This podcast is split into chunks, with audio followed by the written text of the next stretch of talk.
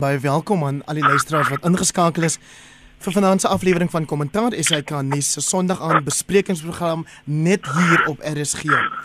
Ons paneel vanaand bestaan uit die menseregte prokureur Melene Rousseau en twee politieke breine, Theo Venter van Noordwes Universiteit se Sakeskool en Jan Jan Joubert, joernalis skrywer en ook rubriekskrywer. Baie welkom aan julle drie. Goeienaand. Goeienaand Heinrich, net om hier te wees. Goeienaand. Hmm. Onthou ook dat jy as luisteraar natuurlik jou kommentaar met ons kan deel deur vir ons 'n SMS te stuur na 45889. Dit kos jou R1.50 per SMS. En uh, ons gee graag voorkeur aan boodskappe met name by. Ek hoor wel daar's so 'n bietjie van 'n krapperigheid op een van die lyne. Ehm um, ek wil maar vra dat julle al drie uh dat daar se tog nou stil sodat uh, ja, dalk was dit net iets waaraan nie lekker was. Dit so die week het daar heeltemal te veel gebeur Jan Janouber om alles op die program vanaand te bespreek. So ek wil met jou begin en vir julle elkeen 'n geleentheid gee om sê nou maar 3 te kies. Ons het die DA kongres natuurlik wat vandag pla of die naweek plaasgevind het plaasgevind het.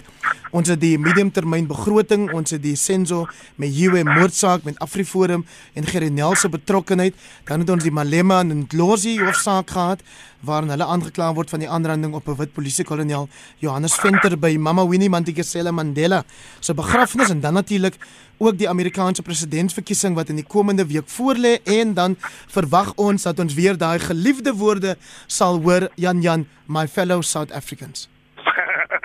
Kies vir ons 3. Heinrich ja. Nee, Heinrich, jy moet ons lei om. Okay, nou maar goed. Begin. Dis kom maar begin by my fellow South Africans. um, okay. Want my fellow South Africans het mos nou COVID. So dis nou 'n taamlike probleem. So nou ja. hoop mens maar dat laat die persoonlike belewing nie 'n nasionale belewing word en dat ons nog 'n lockdown het nie of nog 'n grendelstaat het nie. So almal se wag nou maar vir my fellow South Africans om te sê wat hy moet sê en dis natuurlik nou president Ramaphosa. Ja. Uh, uh, Theo, as, as jy nou net drie onderwerpe sou kon kies vanaand DA kongres beslis?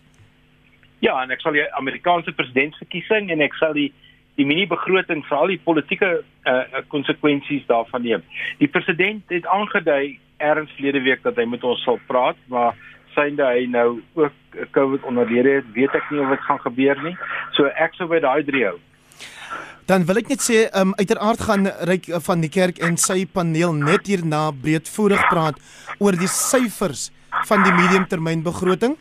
En uh, ek dink daarom kan ons ons bepaal by die noem dit dan nou maar sommer die politiek politieke klimaat waarin die toespraak gelewer is en uiteindelik um, Melina Rousseau of die president en natuurlik sy minister van finansies Tito Mboweni genoeg politieke oor oor genoeg politieke kapitaal beskik om daai plan in in werking te kan stel. Maar as jy nou een of twee kwessies vir die week moet kies, wat sou dit wees?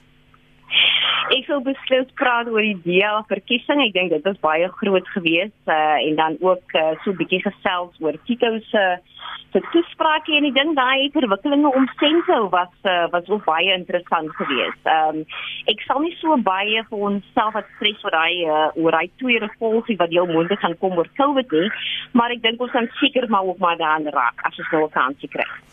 So ek het ver oggend uit die Kaap het vertrek Jan Jan toe was dit omtrent somerdag geweest en ek het hier in die in Johannesburg geland agtermiddag toe sit reën en haal en koue.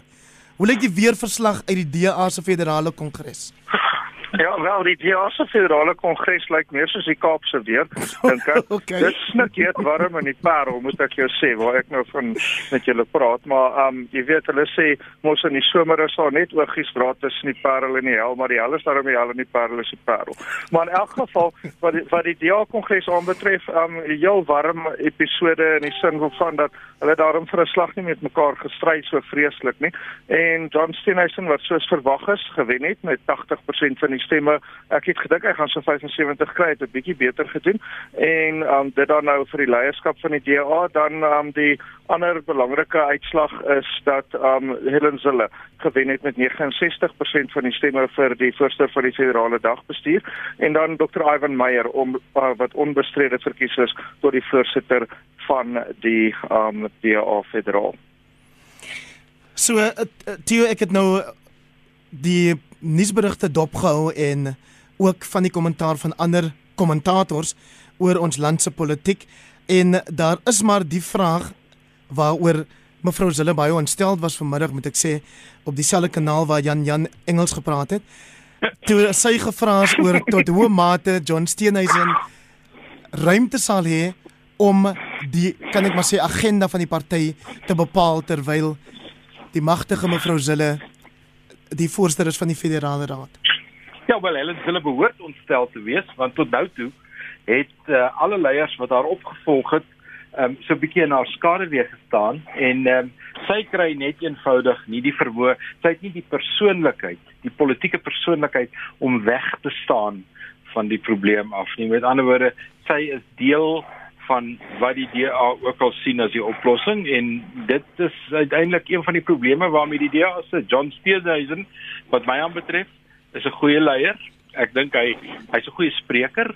Hy maak goeie toesprake. Ek dink hy was op sy beste toe hy ehm um, hoofsweep was van die DA waar hy binne 'n bepaalde konteks uh, 'n baie goeie bydrae kon lewer, maar of hy homself sal kan uitleef saam met 'n um, 'n baie baie sterk Helen Zille is 'n is 'n is 'n vraag en die die die lede in die DA met wie ek gepraat het sê vir my die probleem met Helen Zille is almal rondom haar.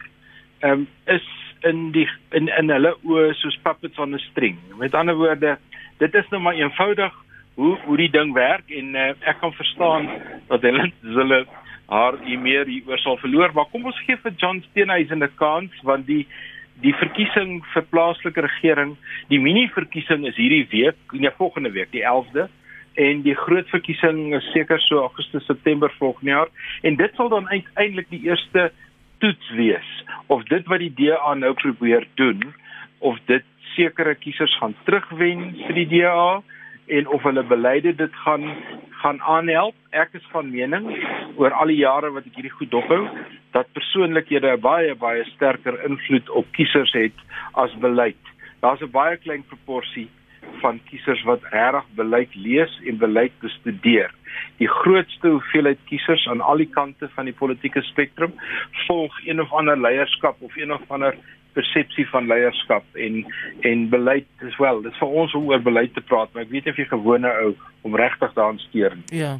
Ehm um, ek verstaan dat een of meer van julle praat um, en haal asem te na aan julle mikrofone van julle slimfone so omdat dit slimfone is wil ek net vra dat julle 'n bietjie wegpraat van die mikrofoon af asseblief tog en dan Melene Rousseau 'n ander vrou wat natuurlik in die kollig is is Mbali Ntuli so ek wil graag by jou weet of jy 'n idee het oor waar of hoe sy die DA se aptyd vir 'n leier soos sy misges het of misgetas het daarmee as dit sin maak. Ja, ek dink ja, dit dit, dit maak hier 100% sin. Ek moet sê dat um, ek het geweet dat John Steenhuisen, jy weet, gaan wen. Ek het nog nie gedink dat hy met 'n 80% meerderheid sou wen nie. Maar soos die politieke analiste gesê het, jy weet hy het baie meer ervaring in nasionale politiek dan Balin Tuli, maar as 'n jong vrou, wou ek net sê dat sy regtig ware baie baie goeie uh, wetloopkaart wat met John Steenhuisen.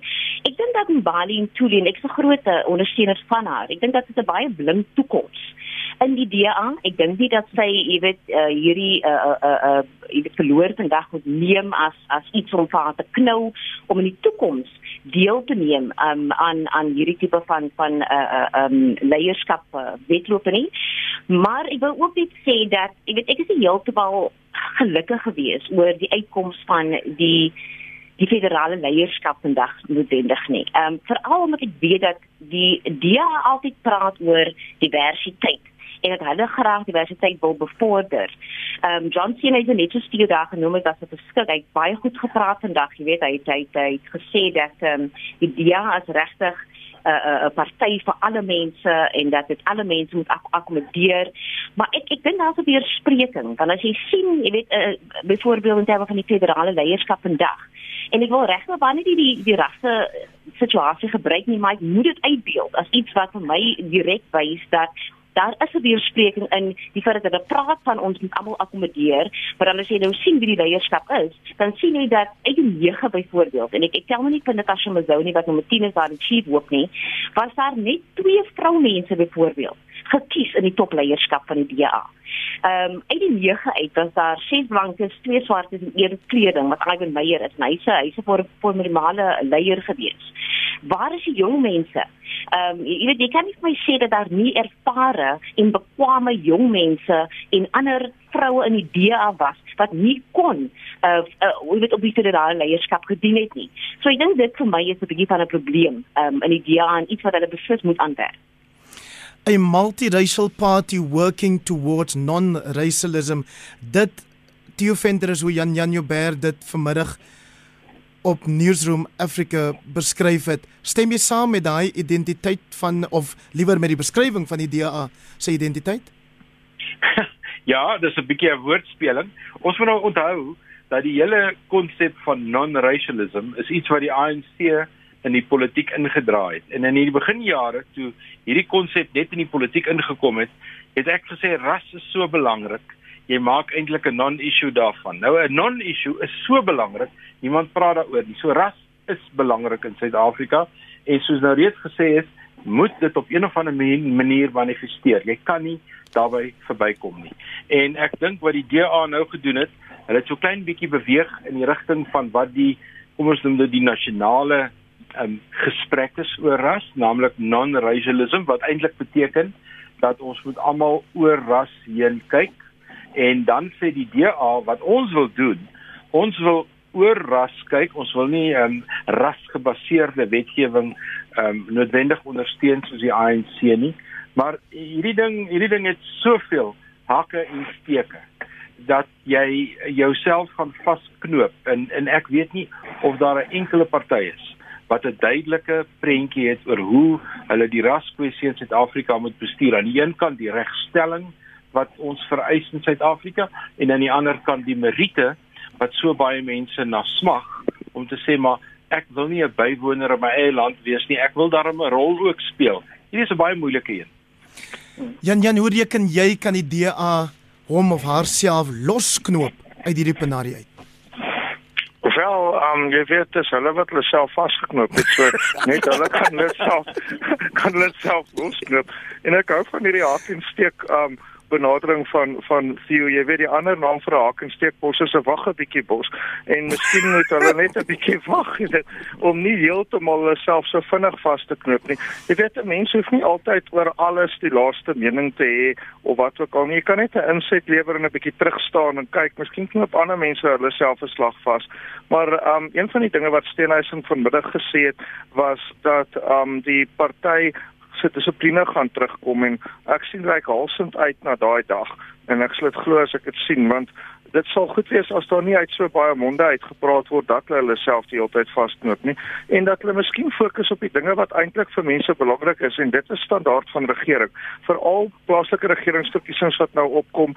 Die vraag waaroor um, die nie herkose voorsitter van die federale raad Zille haarself so opgewen het um, van, vanmiddag en was sy nie ontsteld nie was mm. oor Cathy um, Mosoloa se vraag rondom um met wie sal hulle saamwerk en met wie sal hulle nie saamwerk in koalisie nie en sy kon nou maar net nie so ver kom om om jy weet te sê laat die federale raad besluit of of laat die leier besluit nie sy het op die ou end daar uitgekom maar kyk sy wil van die EFF niks weet nie. En as jy nou op 'n plek bly buite die Weskaap buite die Kouga munisipaliteit en buite um die Midval munisipaliteit dan weet jy die DA gaan nie meer as 50% van die stemme kry nie. So dan raak dit belangrik met wie hulle saamwerk of nie mm, en wie die mm. alternatief is. As jy kyk wat nou in Tshwane gebeur het Heinrich waar die uh, meneer Randall Williams van die DA as burgemeester herkies of verkies is. Ja. Hy sit in 'n minderheidsregering. Hy hy hy gaan niks kan deurvoer sonder die EFF en die ANC nie. Maar sy party gaan hom heel moontlik verbied om met enige van die twee saam te werk. Nou hoe regeer jy so?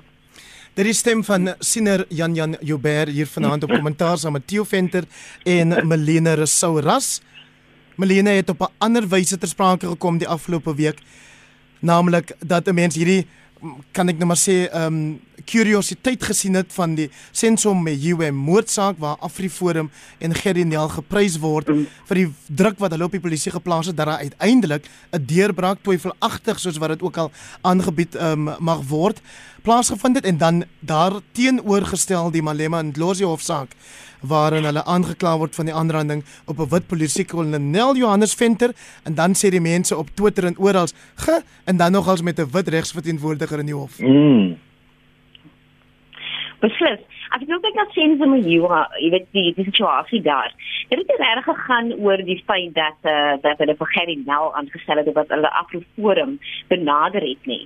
Dit het regtig gegaan oor die feit dat daai Mejuwa gesin uit desperaatheid vir Gerry Nel, jy weet 'n uh, 'n uh, um, geapproach het om te vra, luister, hoe kan jy stuur maak onder die polisie wat nou al 6 jaar sloer met 'n moordsaak?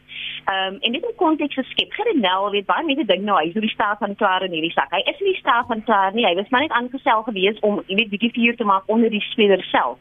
Gerry soos ek verstaan was aangestel gewees in 2019 deur die familie en toe 2020 toe sien hy nou sy eerste brief aan die uh, nasionale vervolgingsverslag en hulle sê hy sê hierso jy het nog vir 6 jaar nog geen antwoorde gegee aan hierdie familie nie. Ehm um, en die saak het verskyn na Pretoria toe. Hy het uitgekontakteer met hy uh, spelerspan daarso en probeer 'n brief geskryf aan die minister van polisie weer vuur gemaak onder hulle en dit is toe eers dat die deurbraak gemaak was. Maar my vraag eintlik gaan ek is baie bly daaroor. Ek is bly dat vyf mense gearresteer was. Ek is bly die vuurwapen was gevind. Ek is bly hulle weet nou dit was nie 'n misdikte rook gewees nie. Dit is eintlik 'n uh, beplande sluipmoord was en al hierdie goeie dinge. Maar my probleem is hoekom moes dit 'n Gerinel gevas het mm. en 'n Afriforum? Om die polisie te forceer om hulle werk te doen. Dit baie mense in Suid-Afrika, jy weet normal mense, ordinary mense op die straat, het nie die geld byvoorbeeld om mense soos Gerinel te kry om jy weet ondersoeke te gaan instel nie. Jy weet, en en hierdie saak van Sensoma Jiwa gaan eintlik oor die oor die oor die lack of uh, accountability, die aanspreeklikheid van polisie om terugvoering te gee aan die families van slagoffers. Ehm um, jy weet en dit is eintlik vir my waaroor hierdie Sensoma Jiwa saak gaan. Maar die Julius Malema, ek het regtig waar geen oog gehad nie. Ek het nie eens ek wil nie eens van verdere media aandag gee nie. Ek dink ehm um, jy weet sy sy sy uh, attitude ook in die hof was baie erg geweest hierdie week. Ek dink hy wou hy en Losie wou iemand aangerand het binne in die hof self. Hmm. Jy weet dit wys my weer eens dat Julius Malema as 'n verskriklike ehm um, aggressiewe persoon. Hy hy hou van verdeling, saai tussen mense. Ehm um, jy weet en hulle het absoluut geen respek vir die regstelsel nie. Hulle het geen respek vir die mense in Suid-Afrika nie. Ehm um, jy weet en so ek ek, ek wil nie regtig waar vir Julius Malema meer ligheid gee as wat hy eintlik moet gee word nie. Maar as dit dan so is dat Julius Malema hom nie steur nie uh Jan Jan aan of geen ergheid aan reëls en regulasies en regspraak en dies meer nie. Moet 'n mens dan seker sê dit is goed dat ons grondwet ook voorsiening maak vir private vervolging wat natuurlik as motivering gedien het vir Afriforum se private vervolgingseenheid in Gerenel om betrokke te raak by die Mejiwa saak. Maar om met by om Melien aan te sluit, dit is ook maar weer eens omdat hulle so traag was om te vervolg dat Gerenel en Afriforum betrokke geraak het. Dan moet mens daarin een ding sê, jy weet daar's 'n refrein um sien 'n mens in die Afrikaanse gemeenskap van elke ras en oortuiging dat dit lyk of Malema kan doen wat hy wil, maar hy kom nooit in die moeilikheid nie en dis nie waar nie. Daar's 'n klomp hofsaake teen hom aan die gang en um Melien son nou meer as ek weet daarvan, maar jy weet die wil dit die wille van die gereg draai stadig maar seker. Hy's in Newcastle in die hof vir um daai opsweping van mense, daai hofsaak gaan voort. Um hierdie een gaan voort op die ou end al loop die leuen ook hoe snel die waarheid agterhaal hom wel.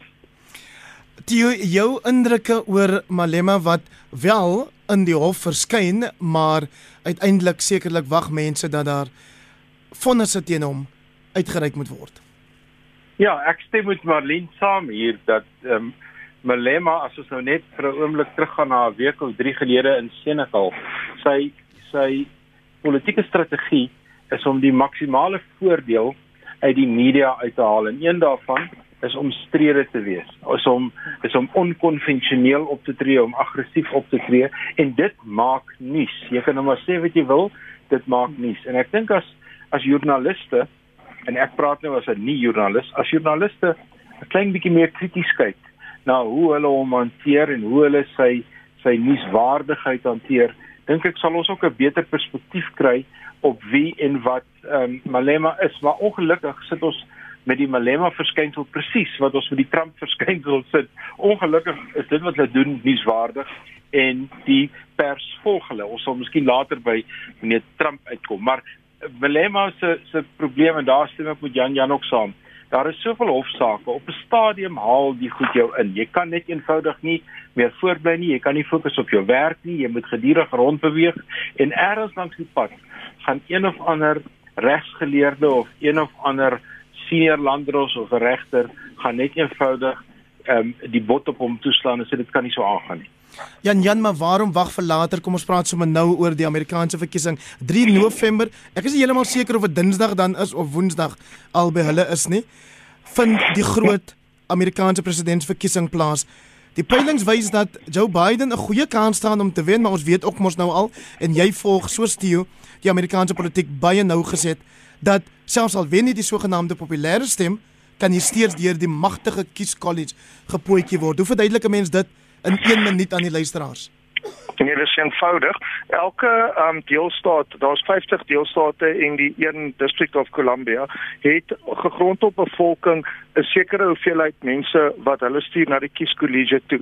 So as jy in 'n staat wen, dan kry jy daai staat se afvaardiging na die kieskollege toe wat bestaan uiteindelik uit uh, 539 lede. Net vir jou is ek nou verkeerd. Um, 538, ekskuus. Solank jy ja, net vir my vra nie.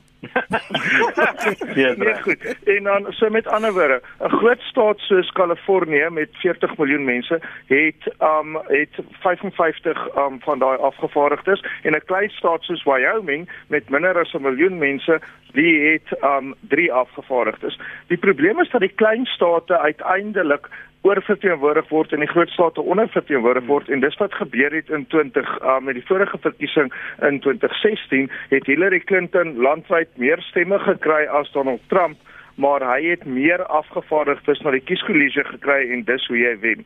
Wat die huidige peilings rondom Biden en Trump 'n bietjie kommerwekkend maak is eerstens dat dit lyk of die stempersentasie ongelooflik hoog gaan wees. Dit behoort vir Biden te bevoordeel, maar tweedens dat die Amerikaanse media is so ongelooflik eenoogig na beide kante toe, want niemand kyk dubbel nie. Dat um 'n mens weet nie eenvoudig nie of hierdie peilings enigsins saak maak nie. Dis Dinsdagnag by ons, ek weet nie watter tyd is dit by hulle nie. Jy kan so 2 uur Woensdag môre vir jou die wekker stel en dan kyk jy na die sirkus. Ek sien Loftus Maree sê dis tussen 'n opgewarmde lijk en 'n oranje karnavalkraai.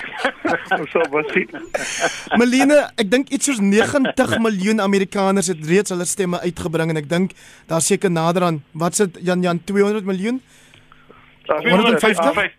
250 250 miljoen Amerikaners se stemgeregtig. Nou hoor wil ek by jou hoor Melina, hoe maak 'n mens in Suid-Afrika seker dat jy daardie soort wel ons het nou wel kleiner getalle, maar ons weet ook dat ons stempersentasie hier van kiesers wat kies mm -hmm. stemgeregtig is baie laag is gewoonlik en daar's nou 'n paar tussenverkiesings wat plaasvind. Daar gaan dit nog erger, sal Jan Jan jou ook kan vertel praat jy nou spesifiek nou oor Suid-Afrika? Ja, ek wil ek wil nou weet hoe wat, wat kan ons leer by die Amerikaners oor om mense te kry om te gaan stem ongeag van wie hulle stem? OK. So, kom ons begin gou eers. Ons gaan gou terug na die 2019 uh, verkiesing want ek wou dit eintlik verhoor daai statistiek uh, genoem het want dit was dit is 'n groot dit was 'n groot skok geweest. En die 36 eligible kiesers in Suid-Afrika, 36 miljoen eligible uh, kiesers in Suid-Afrika, het net 16 miljoen in die 2019 uh, verkiesing deelgeneem. 20 miljoen het nie gestem nie. En ek het raai 16 miljoen het dit opgebreek. 10 miljoen vir die ANC en dan 'n measly 3.6 miljoen vir die DA en so voort. Die rede hoekom die mense nie uh, gestem het in die 2019, wel hy 20 miljoen, meeste van hy 20 miljoen was jong mense gewees. Want hulle kon nie 'n politieke party of ewen 'n leier in daai politieke party kry wat regtig praat in terme van ehm um, jy weet hulle needs, uh, die dinge wat hulle voorsoek. So, jy weet die menu wat ons currently het in Suid-Afrika in terme van politieke partye en ewen van leiers is baie baie swak. Die populariteit onder ons leierskap en ons onder ons politieke partye is baie laag. Groot redes, werkloosheid, groot redes, korrupsie Ehm um, dat ons nie die ekonomie kan groei nie, ehm um, en so voort. So as jy nou regtig waar jy weet meer mense wil hê om te stem. Voel ek en ek dink weet die EFF het toe hulle begin het het hulle het hulle regtig was jong mense want hulle is enigste jong party wat opgekom het en wat hulle baie goed gedoen het. Jy weet ek moet ook wel 'n bietjie kudos gee dat hulle eintlik 'n hele paar stemme gekry het al is dit so radikaal en eintlik regs ehm um, het hulle baie stemme gekry. Maar ons moet keer meer van daai tipe politieke partye. Jy weet ons jy weet ons het 48 en dis en dit meer as genoeg. Maar daar is nie 'n party of partye wat mense regtig waar aanlok um, in terme van wat hulle wat hulle wat hulle bereid is om aan die mense te gee wat wat eintlik daai stemme vir jy weet laat aanwend nie. Is dit Ekskuus, is dit uh, Theo hoekom daar gesê word ehm um, ek dink in 'n onderhoud wat Jared Cruz Kusner die um, of Krusner die die skoonsien van president Donald Trump die afgelope week blykbaar gesê het aan iemand uh, dat sy skoonpa min of meer die Republikeinse party uh, ek wil amper sê gekaap om dit te te plooi na sy eie na sy eie wense. Ehm um, as daar iets daaroor te sê oor 'n leier, ek die Amerikaanse stelsel is uiteraard heel heel wat anders as ons in, maar jy kom daar aan en jy sê ek gaan net nie veel steur in die party nie, ek doen dit met ding. Ja, kyk Donald Trump het presies dit reg gekry. Hy het meer as dit gedoen.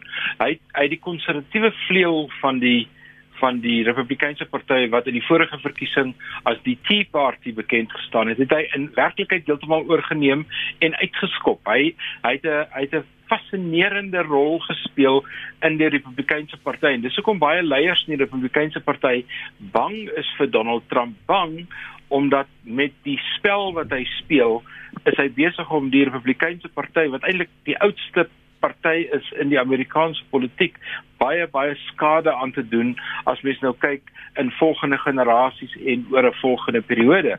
Maar wat in Amerika nou gebeur het om die vergelyking met Suid-Afrika verder te vat, boonbehalwe dit wat Marlene genoem het, is daar ook ongeveer 12 miljoen Suid-Afrikaners wat nie eers die moeite doen om te registreer nie. Ja. So hulle hulle stem geregtig maar hulle registreer nie eers nie want die politiek het hulle het is vir hulle so 'n uh, uh, wrevel hulle so en is hulle belangstelling so laag dat hulle nie eens die moeite doen nie. Nou wat in Amerika nou gebeur het, die intensiteit van 'n paar ehm um, gebeure tydens die die COVID um, pandemie, die Black Lives Matter die die stand van die ekonomie, ehm um, rasisme in Amerika het 'n klomp mense gemotiveer om betrokke te raak by die politiek want die gewone Amerikaanse stemtempo is hier by die 50%, miskien 51, miskien 52. En as jy mens nou kyk na 90 miljoen Amerikaners wat reeds gaan stem het of dit nou 'n voorafstem is of 'n posstem, dan is hierdie is 'n spelbreker in Dinsdag se verkiesing want die modelle is nie gebou op 'n hoë stemuitbrag nie. Die modelle is gebou op die normale stemuitbrag soos wat Amerika oor die laaste 100 jaar, kan ek amper sê, gestem het. Dis hoekom dit so moeilik is om te voorspel wat Dinsdag gaan gebeur, Woensdag Suid-Afrikaanse tyd. SMS Jan Jan Heinrich vra asseblief vir jou paneel, wie vir Suid-Afrika se belang die beste president sal wees, Joe Biden of Donald J Trump? Wel, ehm um, kyk, dit is hang maar van jou eie voorkeur af en dit hang af hoe jy Suid-Afrika definieer. Daar's 'n klomp Trump ondersteuners in Suid-Afrika, dis oor die algemeen wit mense wat voel ehm um, jy weet Trump ehm um, Trump gee meer aandag aan plaasmoorde ensovoort. So as dit jou tipe van oortuiging is, dan dan weet jy mos jy dink Trump is beter, maar ek dink as jy ekonomies kyk en na ehm um, hulpverlening en handel met Afrika dan dink ek definitief Biden sal vir Suid-Afrika beter wees, um veral op 'n ekonomiese vlak, maar um Theo en en Melien voel dalk anders. Kom ons hoor wat sê julle, um, Melene eerste? Lekker ek is 'n demokraat uit en uit, nê, nee? maar ek moet sê, ek is 'n bietjie senuagtig oor hierdie verkiesing. Jy weet, uh, ek weet nie of Biden die heel beste keuse was vir die demokrate nie, Kamala Harris beslis was, maar ons kan nie nog 'n jaar met Trump nie. Ehm um, jy weet ek vroeër te lees ek iets so interessant. Hulle sê in die laaste 4 jaar het uh, Donald Trump iets van 25000 leuns vertel. Jy dit is nou deur onderhoude wat hy gevoer het en deur toesprake wat hy gemaak het. Hulle doen mos hierdie fact checking elke keer.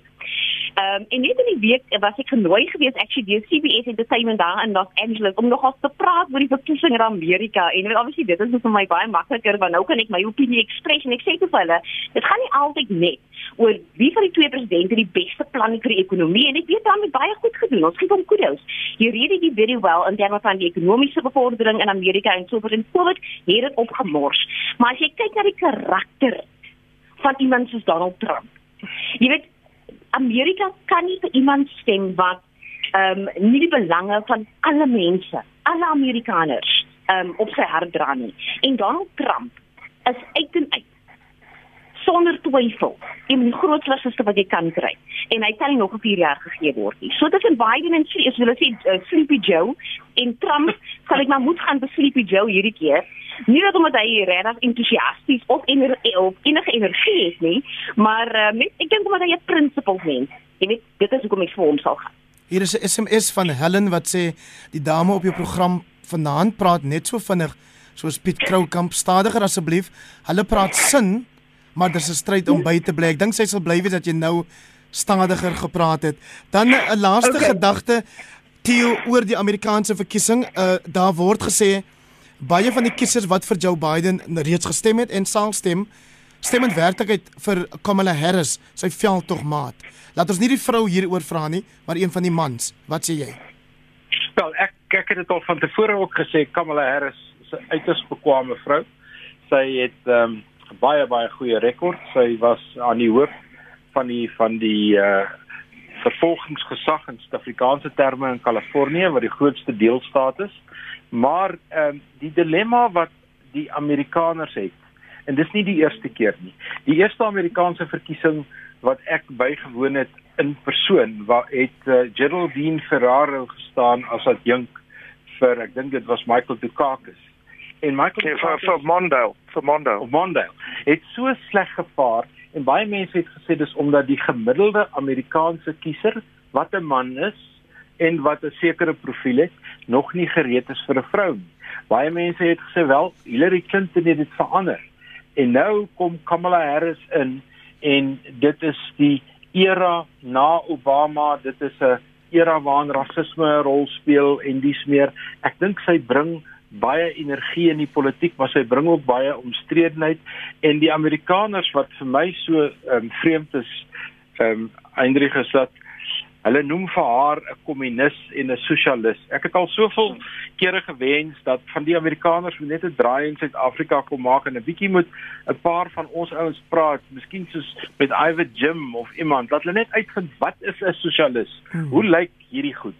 En uh, dan besef jy die Amerikaanse politiek is gebou op stereotypes en op uh, allerlei um, ideologiese sienwyse oor hoe die ding lyk, maar Kamala Harris sal nie vir Amerika ehm um, drop nie. Sy sal die job kan doen, hmm. maar ek het nie geantwoord nie, het nou nie wie die beste vir Suid-Afrika.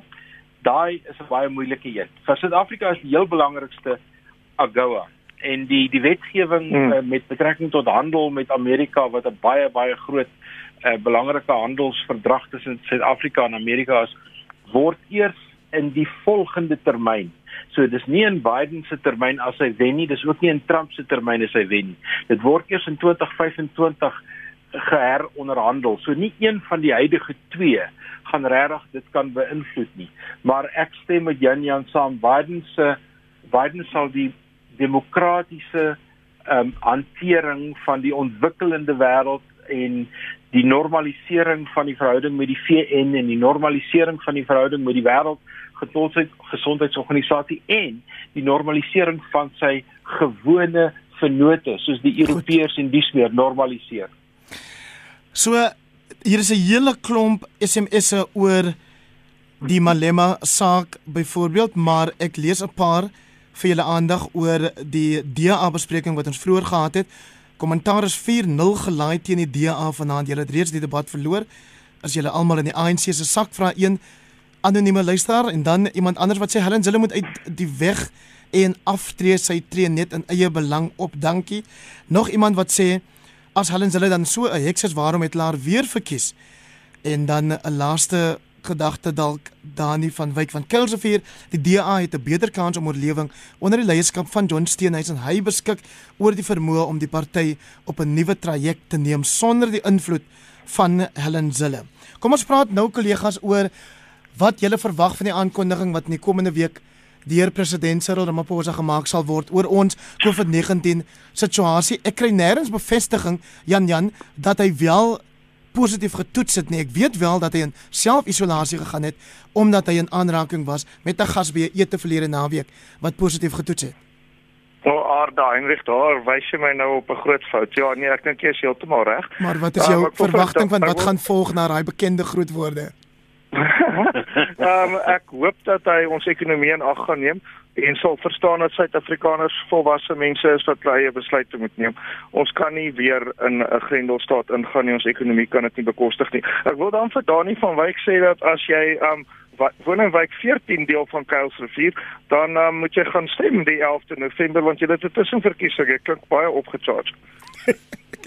Ma Malina, kom ons praat um, oor jou verwagtinge van wat die president gaan sê. Daar is maar hierdie debat oor die ekonomiese uitwerking wat 'n uh, streng inperking het op ons land en ons kan dit lank voor Covid reeds nie bekostig nie.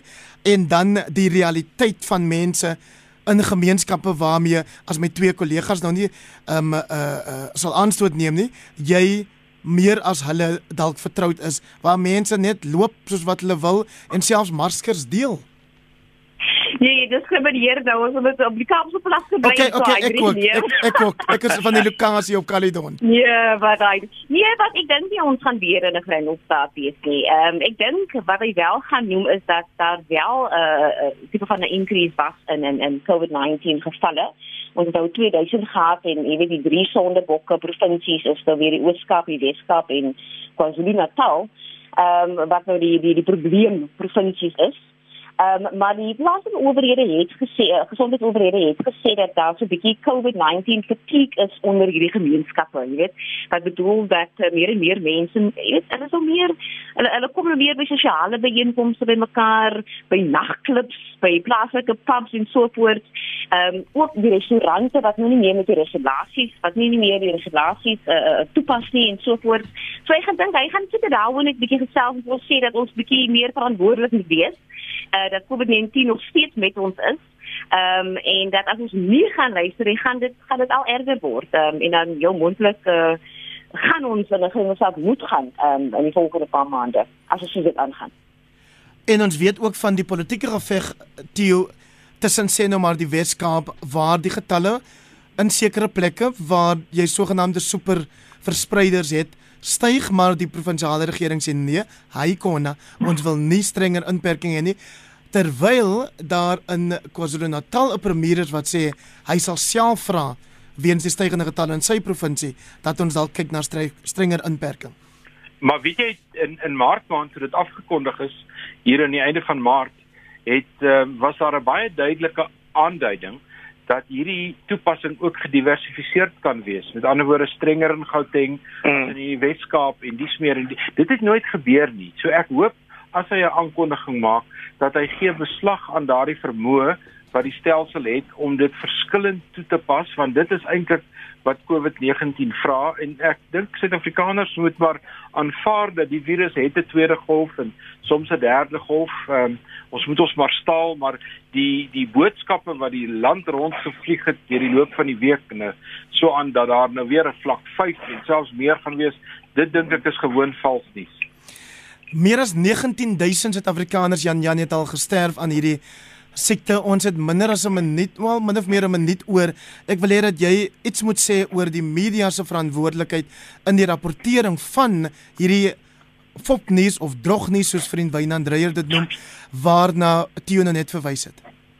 Ja, Heinrich, ehm um, kyk dis 'n kwessie daarvan dat ehm um, die die media kan maar net die boodskap dra van die drie goeters en dit is um, sosiale distansiering, dit is hande was en dit is uh, maskers dra. As jy daai drie doen, wel en met 'n bietjie genade, dan sal jy weliswaar hierdie gespaar word. As jy dit nie doen nie, is jy deel van die probleem en dis soveel as wat die media kan doen. Maar ek wil daarom ook sê as KwaZulu-Natal dan in Grendelstraat wil ingaan, hulle kan hulle premier hou, ons hou vir meneer Windy. En dan kom ons kyk ons uh, ja. of ons dit 4-1 kan maak vir daai baie ongelukkige luisteraar.